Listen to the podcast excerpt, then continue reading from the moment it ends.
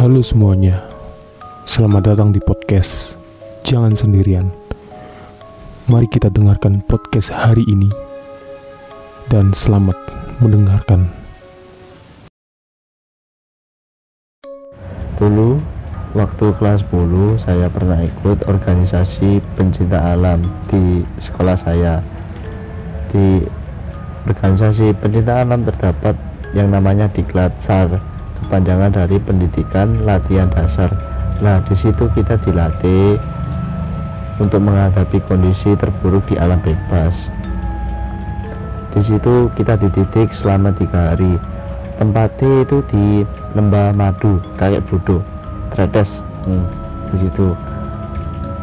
Di diklat sar ada yang namanya kegiatan akrab alam. Nah kegiatan akrab alam itu menyusuri hutan mengunjungi pos per pos dari pos 1 sampai pos pemberhentian itu kita disuruh berhenti ditanyai soal-soal soal-soal soal nah kita itu disuruh cuma bawa lilin malam hari menyusuri hutan melewati pos 1 sampai terakhir. Nah ini kan pengalaman saya pertama kali saya turun ke hutan di alam bebas saya juga takut dan khawatir tiba-tiba ada apa-apa. Dan itu ternyata terjadi. Setelah saya melewati pos 1 saya turun. Nah di situ ada percabangan jalan. Saya bingung ini jalan yang mana? Antara kiri atau kanan yang turun.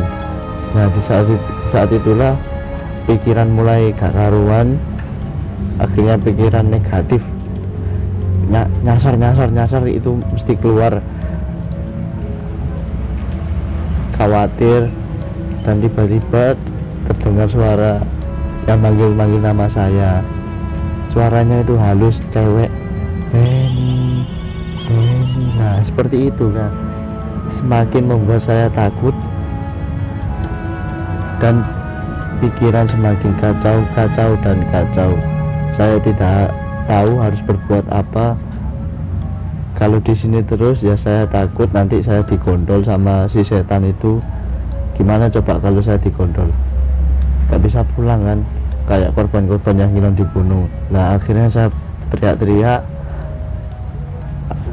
Dan teriakan saya alhamdulillah didengar oleh alumni saya.